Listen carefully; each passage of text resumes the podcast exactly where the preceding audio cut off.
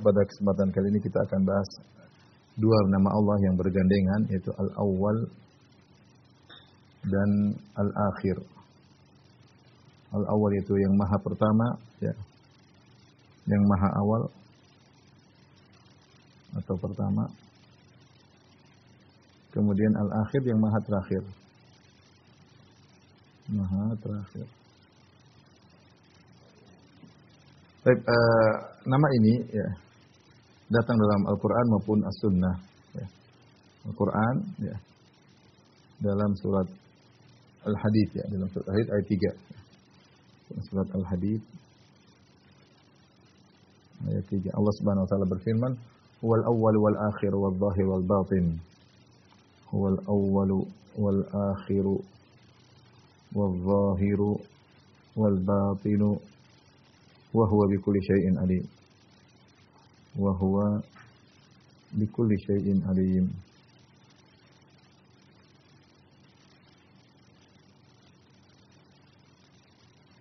Baik, uh, Allah berfirman, dialah yang awal ya. Yang awal dan yang akhir. Kemudian dia al-zahir, yang paling unggul ya, yang paling atas. Yang uh, unggul atau paling atas al-batin ya, apa, ya, apa yang, yang paling berilmu, yang paling dekat.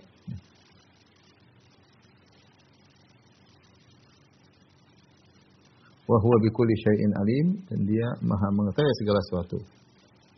Maha mengetahui segala sesuatu.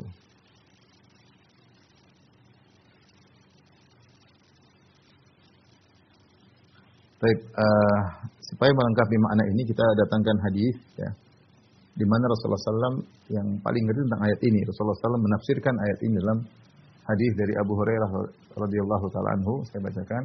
Karena Rasulullah SAW ya'muruna idza akhadna madja'ana an naqul. Ada Rasulullah SAW memerintahkan kami jika kami mau tidur hendaklah baca doa ini. Ini di antara doa mau tidur ya. Kita tahu doa tidur sangat banyak ya. Karena ketika seorang tidur dia sudah tidak bisa berbuat apa-apa. Bisa jadi dia tiba-tiba terkena musibah, bisa jadi meninggal dunia, maka dia butuh banyak berdoa kepada Allah Subhanahu wa taala dan doa-doa tidur banyak ya, banyak sekali. Di antaranya doa yang panjang ini. Allahumma rabbas samawati wa rabbal ardi wa rabbal arsyil azim. Ya Allahumma Rabb pemilik langit dan penguasa bumi dan pemilik arsy yang agung, Rabbana wa rabb kulli syai, Rabb kami dan Rabb pemilik segala sesuatu.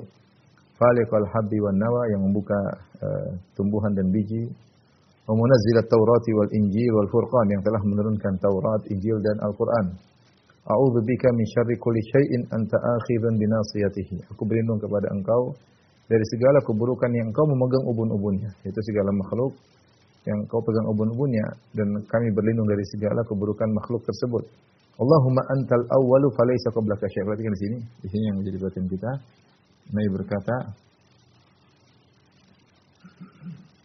tentang al-awwal. Allahumma antal awwal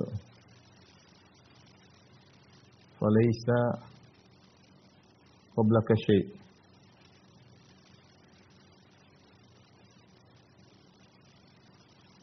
Yang artinya engkau yang pertama, tidak ada sebelum engkau segala sesuatu. Engkau yang pertama, tidak ada sesuatu pun sebelummu. Sebelummu. Kemudian Nabi lanjutkan lagi. Uh, wa anta al-akhir falaysa ba'daka syai'. Wa anta al-akhir falaysa ba'daka syai'. Engkau yang terakhir tidak ada setelahmu sesuatu pun tidak ada sesuatu pun setelahmu.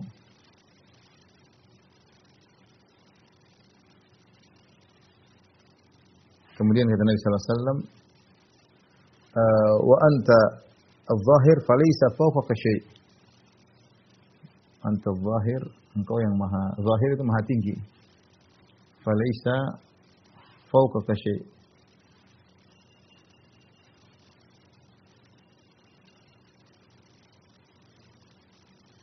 engkau yang maha zahir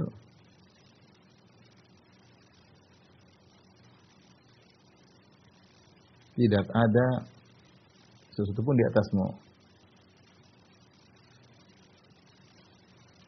Di atasmu. Kemudian yang terakhir, antal batin. Laisa dunaka syai'. Engkau adalah yang maha batin, itu maha mengetahui, batin maha mengetahui. Tidak ada pun yang yang tersamar darimu. Engkau maha batin.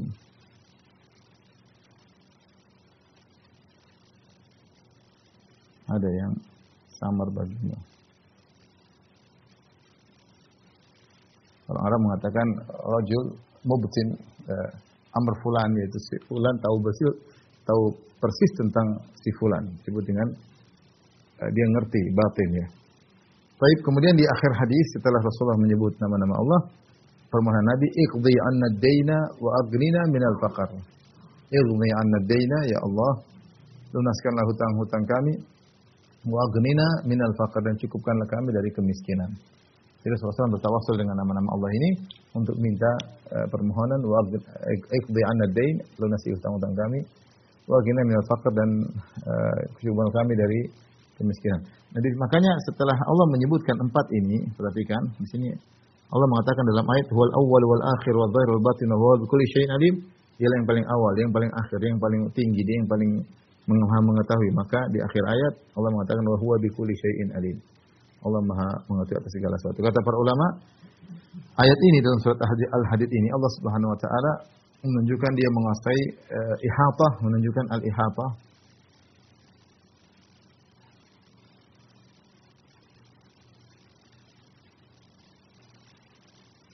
Ayat ini menunjukkan al-ihatah. Al-makaniyah dan al-ihatah az-zamaniyah. Al-ihatah makaniyah maksudnya Allah meliputi dari meliputi segala tempat meliputi segala tempat kemudian meliputi zamannya meliputi segala waktu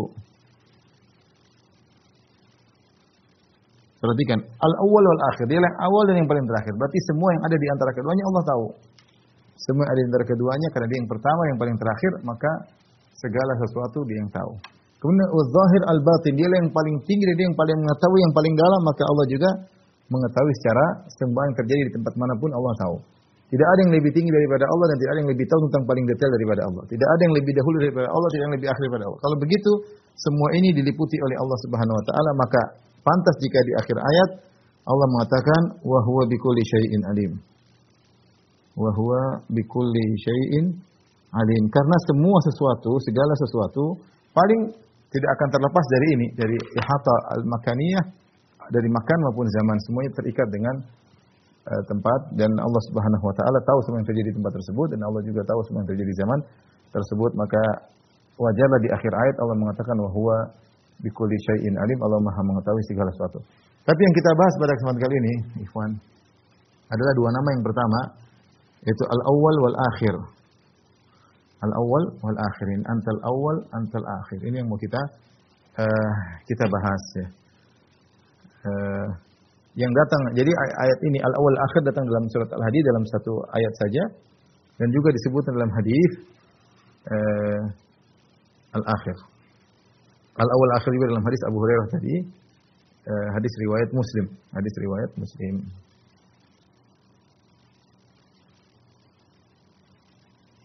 Baik. Uh, adapun makna al-awwal wal akhir ya. Sebagaimana yang dijelaskan oleh Nabi SAW yang paling lebih tahu tentang makna makna hadis. Al-awwal maknanya ini, inilah awal. Makna al-awwal. Kemudian al-akhir maknanya ini. Al-awwal yaitu antal awwal falaysa qablaka syai'. Tidak satu pun yang sebelum engkau. Engkau yang pertama. Antal akhir falaysa ba'daka syai'. Engkau yang terakhir dan tidak ada satu pun setelah engkau. Tapi kita akan rinci.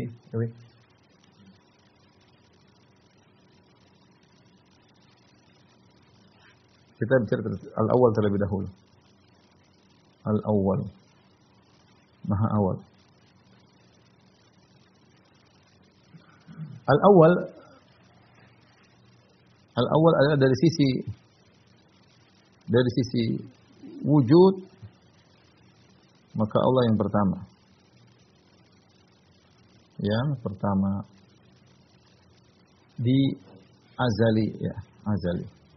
Sehingga tidak ada perhatikan tidak ada sebelum Allah ketika itu dan tidak ada yang bersama Allah. Allah ketika itu. Karena kalau ada yang bersama Allah berarti Allah bukan al-awwal, berarti ada dua al-awwal, ada Allah dan ada dia. Apalagi kalau ada yang sebelum Allah berarti dia juga dialah yang al-awwal bukan Allah Subhanahu wa taala. Maka firman eh, apa namanya al-awwal melazimkan dari sisi wujud Allah yang pertama dan dia yang azali. Tidak ada satupun sebelum Allah dan tidak ada yang bersama Allah ketika itu ya. Dalam sebuah hadis, kana Allah walam yakun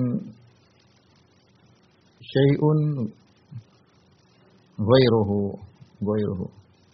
Dulu Allah bersendirian tidak ada yang bersama Allah. Dulu Allah bersendirian tidak ada yang bersama Allah.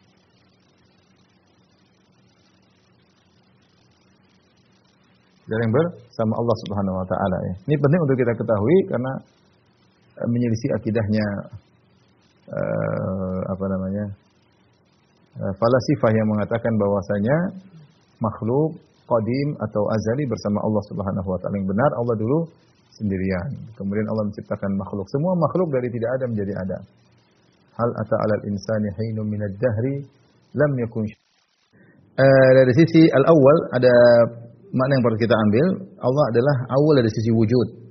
Sehingga tidak ada sesuatu yang sebelum Allah karena kalau ada sesuatu yang sebelum Allah maka dialah yang awal. Demikian juga tidak ada yang bersama Allah. Kalau ada yang bersama Allah berarti yang awal bukan cuma Allah saja, tapi Allah dan sesuatu tersebut, ya. Oleh karenanya dahulu Allah sendirian karena Allah lam yakun syai'un ghairahu, lam yakun syai'un ma'ahu, ya.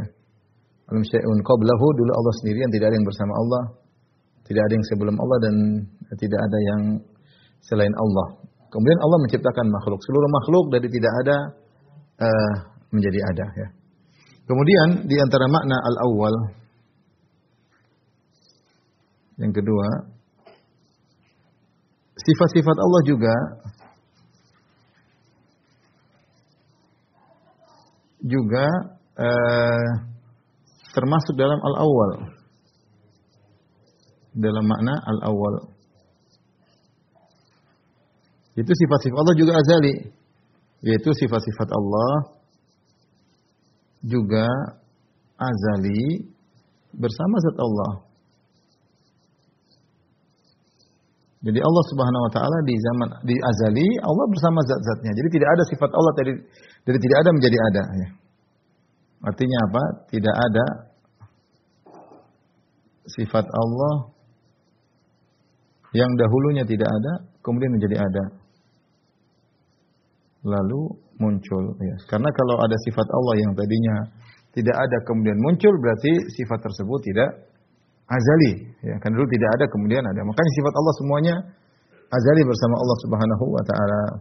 Allah Maha melihat, Allah Maha mendengar, Allah Maha berbicara, Allah Maha kudra, Allah Maha irada. Ini semua adalah sifat-sifat yang ada uh, pada zat Allah meskipun Allah belum melakukannya. Meskipun Allah belum melakukannya, tapi sudah memiliki potensi untuk melakukannya. Kan sifat-sifat itu sudah menempel seperti Maha Mencipta. Meskipun makhluk belum ada, Allah Subhanahu wa taala sudah disebut Maha Pencipta ya. Uh, sebenarnya disebutkan bahwasanya Allah uh, Maha Pencipta sebelum ada makhluk dan Allah ada Rabb sebelum ada marbub, sebelum ada yang diciptakan.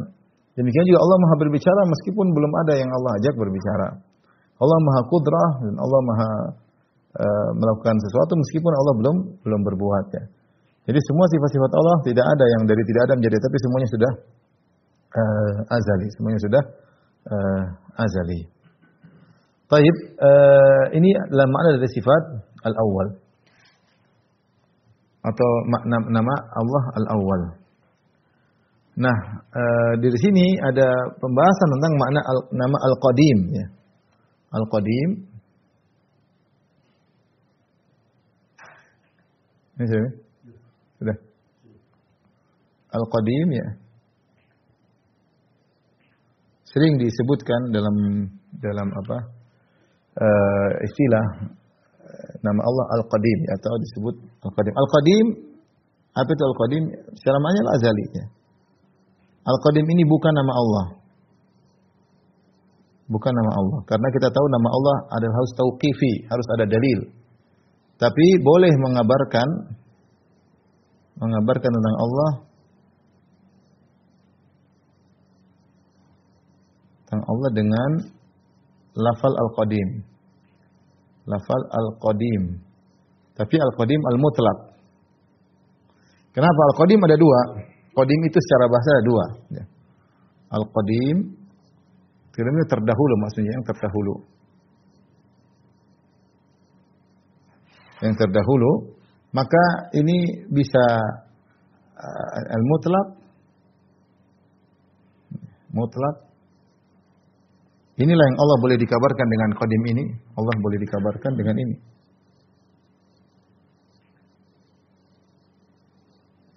dengan qadim mutlak. Itu secara mutlak dia yang maha pertama. Tapi al-qadim juga ada yang disebut al-qadim nisbi. Nisbi yaitu relatif. Qadim relatif. Seperti firman Allah Subhanahu wa taala wal qamara qaddarnahu manazila hatta ada kal urjunil qadim. Dalam uh, Surat Yasin ayat 39 ya. Kata Allah Subhanahu wa taala wal qamara qaddarnahu manazil. Wal qamara qaddarnahu manazila hatta ada kal urjunil qadim. Dan dan rembulan kami tetapkan manazil manzilah manzilahnya sampai dia ke manzil yang terakhir, kemudian dia kembali kepada tandan yang tua. Al-Urjunul Qadim ya. Al-Urjunul Qadim, Urjun Qadim maksudnya bukan yang paling pertama, tapi sebelumnya sudah ada urjun-urjun yang lain. Jadi tapi dia dia adalah uh, nisbi. Nisbi dia bukan yang paling pertama, tapi sebelumnya sudah ada uh, yang lainnya. Tapi dia misalnya saya mengatakan si A, si B, si C. Maka A datang pertama, B datang kedua, C datang ketiga. Saya boleh mengatakan B ini kodim dibandingkan dengan si C. Tapi dia nisbi. Dia dibandingkan A, dia bukan kodim. Tapi dibandingkan dengan C, dia adalah yang di luar ya. Tapi ketika kita mensifati Allah yang Al-Qadim, maksud para ulama ketika mengatakan Allah Al-Qadim, maksudnya Qadim mutlak. Qadim mutlak. Jadi tidak boleh kita menamakan Allah dengan Qadim, kita mengatakan Abdul Qadim nggak boleh. Kita bilang Abdul Awal boleh.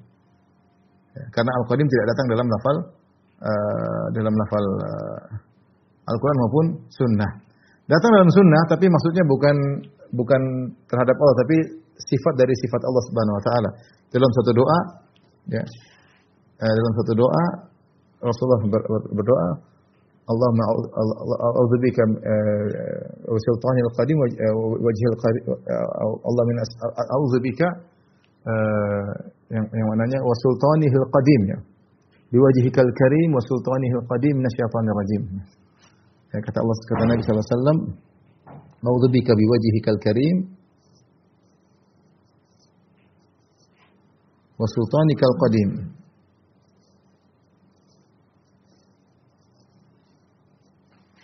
Di sini, ya Allah aku berlindung kepada Engkau dengan wajahmu yang mulia ya. Aku berlindung dengan wajahmu yang mulia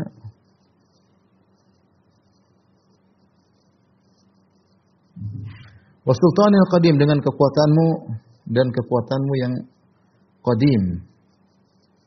Kekuasaanmu. Yang qadim.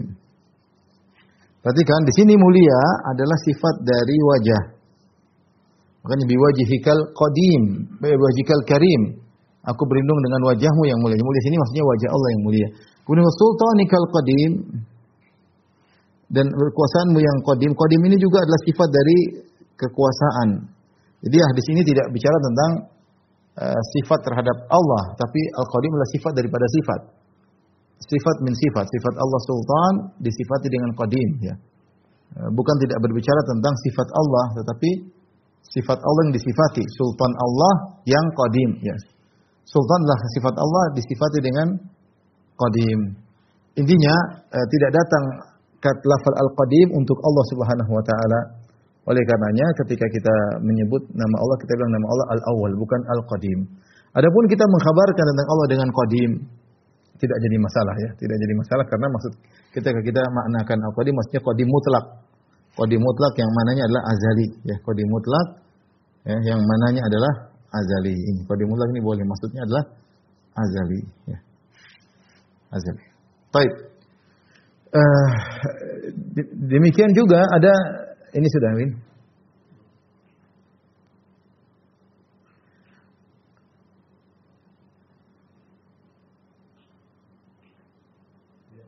Demikian juga ada nama yang sering disematkan kepada Allah. Jadi pengkhabaran tentang Allah macam-macam ya saya, saya ulangi. Pengkhabaran tentang Allah tentang Allah terkait dengan nama Allah Al-Awwal. Nama Allah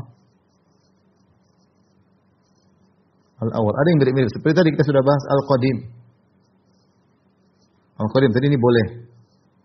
Boleh. Jadi kalau pengkabaran yang penting maknanya benar, tidak harus dengan dalil. Ini boleh dengan syarat makna qadim adalah qadim mutlak. Qadim adalah al-qadim al-mutlak, bukan nisbi. Kalau nisbi berarti tidak tidak mutlak. Ini boleh.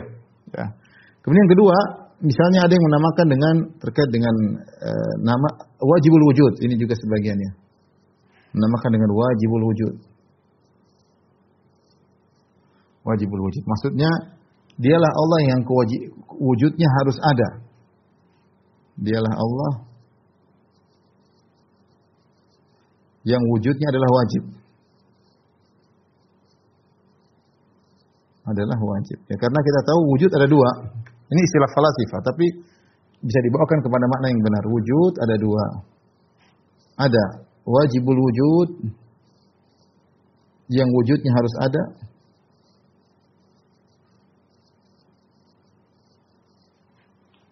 Uh, atau ada tiga lah. Ada, ada beberapa ya. Kemudian disebut mungkinul wujud Wujudnya mungkin ada. Mungkin ada, mungkin tidak ada. Kemudian mumtani'ul wujud atau mustahilul wujud. Wujudnya mustahil. Kalau ini, ini tentu mustahil, tidak mungkin ada contoh seperti bahwasanya uh, al-jam' bain naqidain menggabungkan dua hal yang kontradiktif itu nggak mungkin ada atas sekaligus bawah, kanan sekaligus kiri, ini nggak mungkin ya. Ada sekaligus tidak ada ya, ini nggak nggak mungkin. Ini namanya wujudnya mustahil. Ah, wajibul wujud itu wujudnya harus ada. Mungkinul wujud, wujudnya mungkin ada, mungkin tidak ada. Mungkin ada, mungkin tidak ada. Seperti kita. Kita ini tidak harus ada. Saya ini tidak harus ada. Saya tidak ada juga ada masalah. Alam tetap berjalan. Saya ada pun eh, oke, okay, tidak ada juga tidak jadi masalah. Disebut dengan mungkin wujud. Dan mungkin wujudnya dari tidak ada menjadi ada. Dari tidak ada jadi ada. Inilah wujud makhluk. Hadis. Yang wajibul wujud ini wujudnya harus ada. Dia sebagai penopang mungkinul wujud. Penopang mungkinul wujud. Kalau tidak ada Allah maka tidak ada wujud karena Allah yang menciptakan. Karena Allah yang menciptakan wujud-wujud yang lain karena Dia pencipta. Nah, kalau ada istilah wajibul wujud, ini memang ada pembahasan wajibul wujud, maka kalau maknanya seperti ini maka boleh. Maknanya seperti ini boleh, ya. Wajibul wujud, ya. Nanti ada falasifah punya istilah lain yang maknanya batil ya. Tapi uh, yang juga mirip pengkabaran terkait dengan nama al-awwal di antara juga misalnya al-illatul ula. Mereka namakan dengan al-illatul al-ula sebab pertama.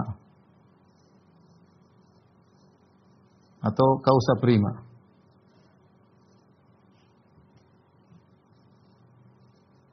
Nah ini ini kebanyakan kalau yang yang menyatakan ini maksudnya jika saya katakan dua kemungkinan. Jika maksudnya adalah wajibul wujud, Jika maksudnya adalah Maha Pencipta, seperti ini wajibul wujud. Maksudnya Maha Pencipta. Maha Pencipta maka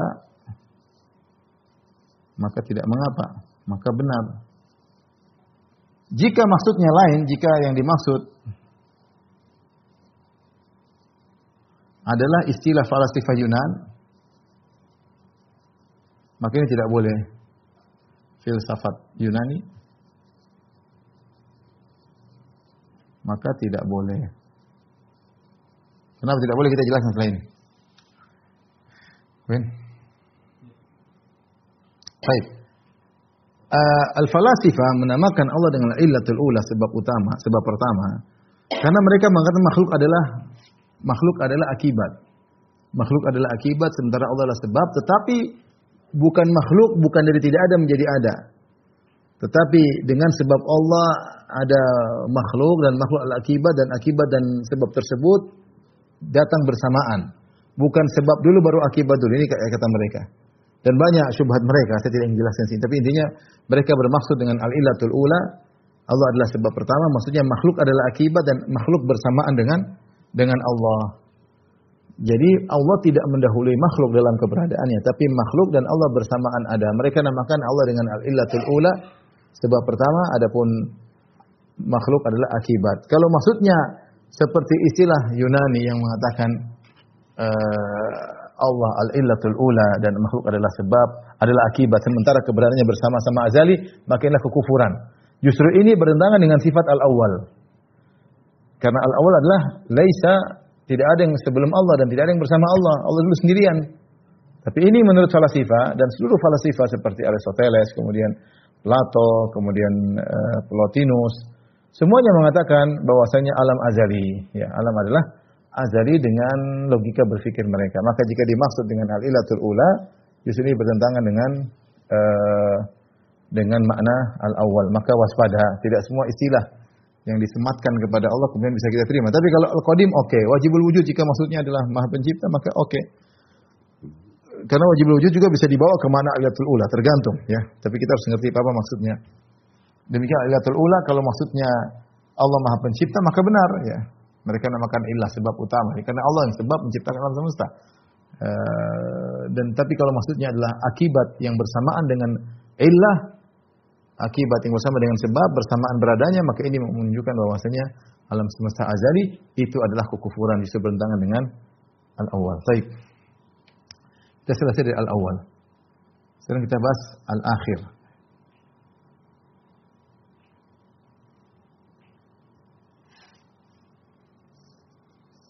Al-akhir yang terakhir. Waktu kita bilang abadi ya, dia bilang apa yang yang abadi. Daimun tiha yaitu abadi. Abadi yang paling terakhir. Yang Nabi SAW telah mengatakan antal akhir falaisa ba'daka syai'. Kata Nabi SAW antal akhir falaisa ba'daka syai'un engkau yang terakhir. Tidak ada setelah sesuatu pun.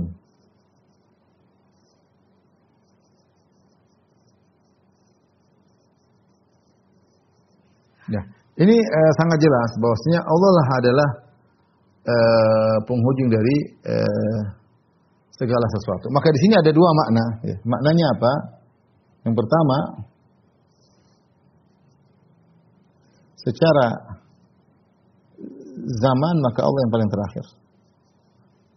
Maka Allah yang paling terakhir di abadi.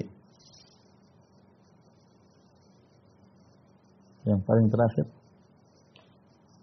dan abadi. Baik, mungkin yang bertanya, Ustadz, bukankah bukankah makhluk nanti di surga atau neraka juga abadi? Apakah ini tidak bertentangan dengan al-akhir? Ya apa pertanyaan syubhat misalnya. Bukankah pertanyaan bukankah eh, penghuni surga, penghuni neraka neraka abadi? Apakah mereka abadinya bersama Allah Subhanahu wa taala? Maka kita bilang uh, keabadian mereka berbeda dengan Allah di dua sisi? Jawab, keabadian mereka berbeda. Mereka berbeda di dua sisi. Yang pertama, yang pertama, mereka pernah fana. Mereka pernah fana. Pernah mati atau fana. Bukankah Allah berfirman, "Kullaman 'alaiha fan," semua yang di atas bumi fana, itu akan sirna, ya. Kullu syai'in halikun ila wajha. Uh, semua yang semua yang di atas muka bumi semua akan binasa kecuali wajah Allah Subhanahu wa taala. Kata Allah kata Allah Subhanahu wa taala, "Wa nufikha fi sur wa nufikha fi sur fasa'ika man fis samawati man fil ardi illa man syaa Allah." Semua ketika ditiupkan sangkal pertama semua langit bumi semuanya mati kecuali yang Allah kehendaki dikecualikan. Artinya secara umum makhluk semuanya pernah mati, manusia akan mati meskipun dibangkitkan lagi ya. Jadi mereka pernah mati atau pernah fana dan itu ciri makhluk. Ciri makhluk semuanya fana. Adapun mereka dibangkitkan kembali untuk abadi, jikapun mereka dibangkitkan untuk abadi,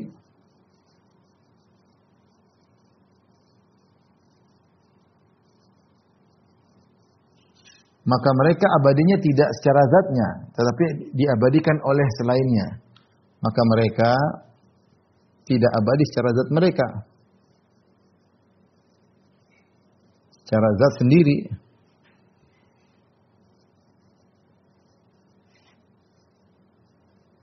Tapi diabadikan oleh Allah. Jadi Allah yang mengabadikan mereka. Ya, berbeda dengan Allah. Kalau Allah Subhanahu wa taala dia abadi secara zatnya. Memang zat Allah abadi, ya. Adapun makhluk dia tidak abadi. Dia kenapa dia tidak abadi? Karena dia pertama tidak ada, kemudian menjadi ada, ya. Kemudian dia pun abadi bukan karena secara zatnya, tetapi dia uh, abadi uh, karena diabadikan oleh Allah Subhanahu wa taala. Akhirnya tambah juga mungkin bukan dari dua sisi, tiga sisi ya. Tiga sisi. Saya ulangi.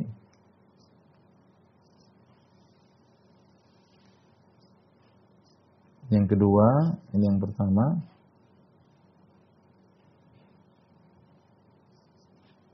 Yang eh, ini yang ketiga. Yang pertama yang mana? Yang pertama mereka pernah didahului dengan ketiadaan.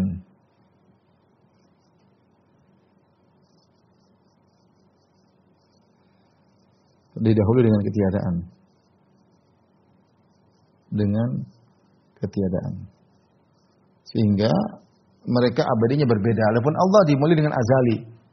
Tidak tidak tidak tanpa permulaan kemudian abadi. Adapun makhluk-makhluk mereka asalnya tidak ada. Kemudian mereka pernah hidup, kemudian mereka pernah dimatikan juga, kemudian mereka dibangkitkan untuk abadi. Abadi itu pun karena diabadikan Allah tidak abadi dengan sendirinya. Nah, ini uh, maksud dari uh, Allah adalah akhir. Ini makna pertama. Makna yang kedua, bahwasanya segala sesuatu kembali kepada Allah. Ya.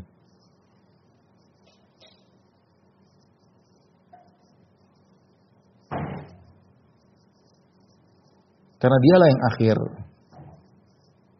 Dialah yang akhir. Yang al-akhir. Wa anna ila rabbikal muntaha. Segala sesuatu kembali kepada Allah. Dalam Al-Quran, wa anna ila wa anna ila rabbika ila rabbikal muntaha.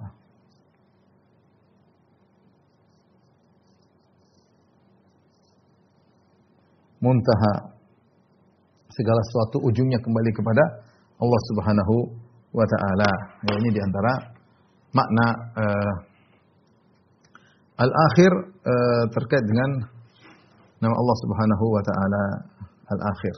Maka kalau seorang beribadah dia ibadahnya kepada Allah, dia sujud-sujud kepada Allah Subhanahu wa taala, dia akan kembali kepada Allah Subhanahu wa taala. Wa anna ila rabbikal muntaha An-Najm ayat 42 ya.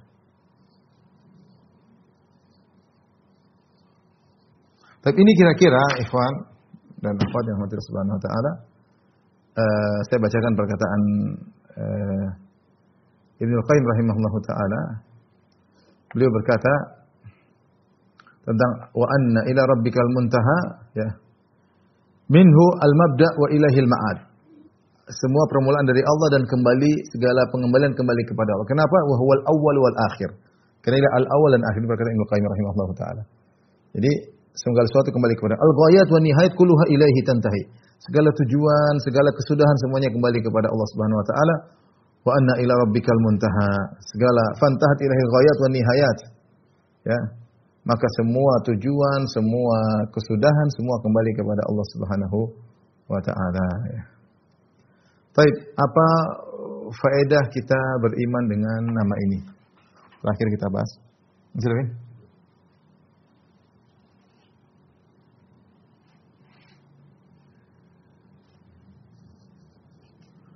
Faedah beriman dengan dua nama ini, al-awwal wal akhir. Di antaranya satu berdoa dengan berdoa dengan bertawasul dengan nama ini.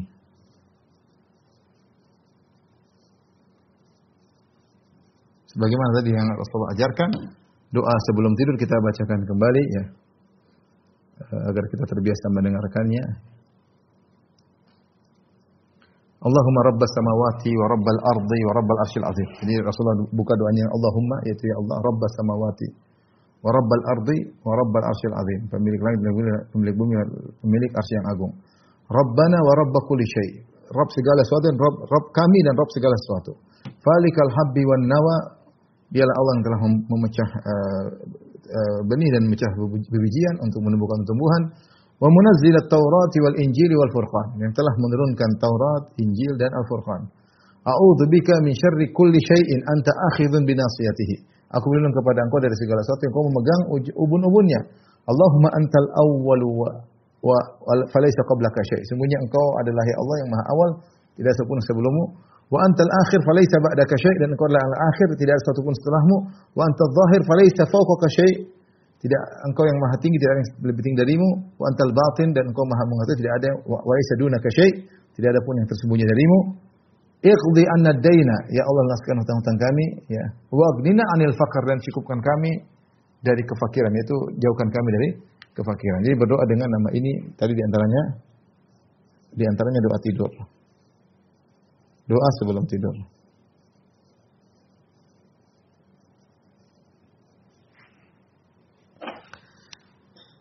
Kemudian di antara yang bisa kita ambil dari faedah beriman dengan ini ya.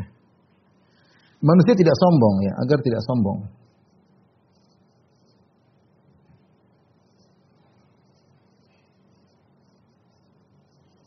Dia tahu bahwasanya dia dulu bukanlah sesuatu. Dia dulu tidak ada, yang ada dulu cuma Allah. Kenapa? Yang ada dulu hanya Allah. Dahulu hanya Allah. Adapun dia manusia bukan sesuatu pun, bukan sesuatu apa pun. Tidak ada dan tidak disebut-sebut. Kata Allah Subhanahu wa taala, "Hal ata 'alal insani hainun minad dahri lam yakun syai'an madzkura." Tidak akan datang kepada manusia suatu masa di mana dia bukanlah sesuatu apa pun. Dia tidak ada, dari tidak ada menjadi ada.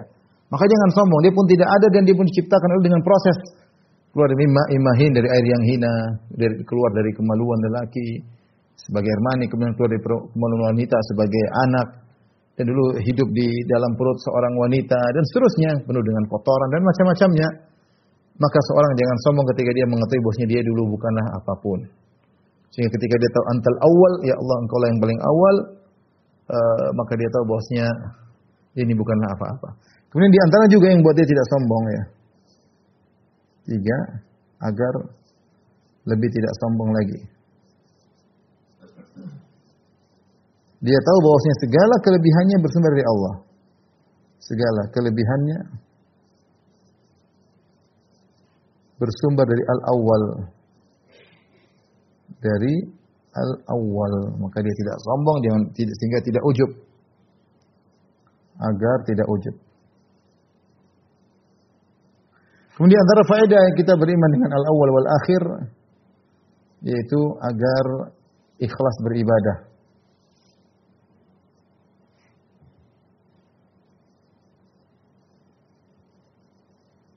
pada Allah. Kenapa? Karena Allah adalah al-akhir. Karena dia adalah al-akhir. Yang segala sesuatu kembali kepadanya. Yang segala sesuatu kembali kepadanya.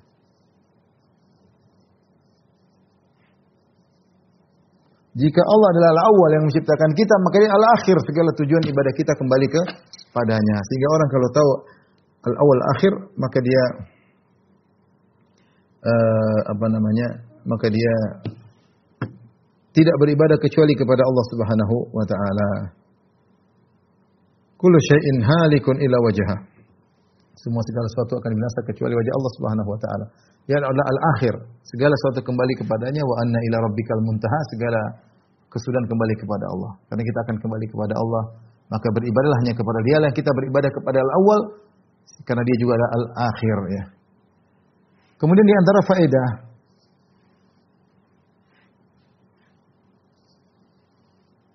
yang kelima, jika hamba tahu dia fana,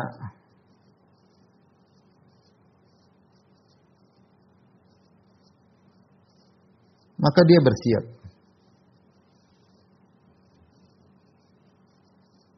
Dia tahu kita tidak akan abadi. Kita ini fana. Kuluman alaiha fan. Kita mau akan meninggal.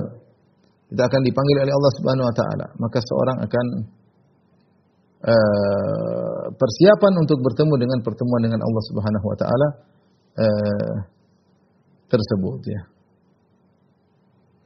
Kemudian di antara faedah, ya, kita tahu fana ngapain kita mau sombong-sombong. Kita akan fana, kita akan diminta pertanggungjawab, kita akan mati semuanya. Kemudian yang keenam, jika kata, kita tahu adalah awal dan akhir, maka kita akan sempurna, akan sempurna iftikar yaitu kehinaan ke, apa namanya ketundukan kepada Allah, ketundukan dan membulatkan kebutuhan hanya untuk Allah.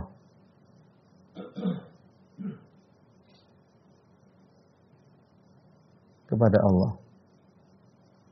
Karena kita tahu kita ini tidak kita ini nothing, kita ini dulu tidak ada bukan sesuatu pun dan segala kebaikan semuanya sumber kepada Allah. Itu kita benar-benar menunjukkan kita wakal kepada Allah. Ini bukan siapa-siapa Allah. Maka kita pun benar-benar fokus meminta kepada Allah. Kita bulatkan kemiskinan kita, kehinaan kita, kebutuhan kita kepada Allah Subhanahu wa taala.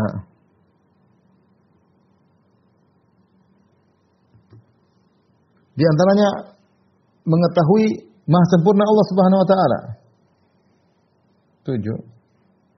Mengetahui maha sempurna Allah.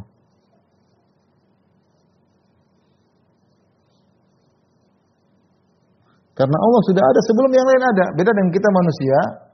Sebenarnya Allah tidak butuh kepada sesuatu pun. Allah sebelum kita makhluk ini sudah sempurna. Adapun kita kita tidak sempurna. Kita butuh dari tidak ada menjadi ada. Kita butuh setelah ada pun butuh untuk banyak hal supaya kita bisa bertahan hidup dan seterusnya. Sehingga kita Allah sudah sempurna sebelum kita ini ada. Kita mengetahui kesempurnaan zat Allah Subhanahu wa taala ya. Ada isyarat juga disebut oleh sebagian ulama yang kedelapan. Isyarat tentang keutamaan al-awwaliyah.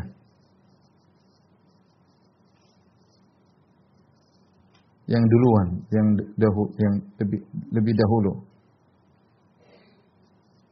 Lebih dahulu lebih utama. Allah dia yang karena dia maha pertama, karena yang paling utama. Maka demikian uh, lihatlah Nabi Musa, Nabi Isa alaihissalam. Kenapa disebut dia mulia di antara sebabnya dia bicara lebih dahulu. Masih di yang sudah bisa ngomong. Ya, semakin dia lebih bicara, semakin dia semakin lebih mulia. Nah di sini menunjukkan bahwasanya keberadaan lebih dahulu itu lebih utama. Allah menyebut dalam Al-Quran banyak. Wastabiquna sabiqun. Fastabiqul khairat. Berlomba yang di luar. Wasari'u. Cepatlah ya. Eh, Rasulullah menyuruh kalau kita sholat suruh saf yang paling pertama dan seterusnya maka seorang berusaha menjadi pertama dalam kebaikan ya maka berusaha menjadi yang pertama dalam kebaikan Jangan tunggu orang lain. Orang lain belum kita duluan. Kita duluan ini, kita duluan anu, duluan sedekah, duluan dakwah, duluan kita duluan. Karena yang pertama itu lebih utama. Demikian uh, wabillahi taufiq walhidayah. Assalamualaikum warahmatullahi wabarakatuh.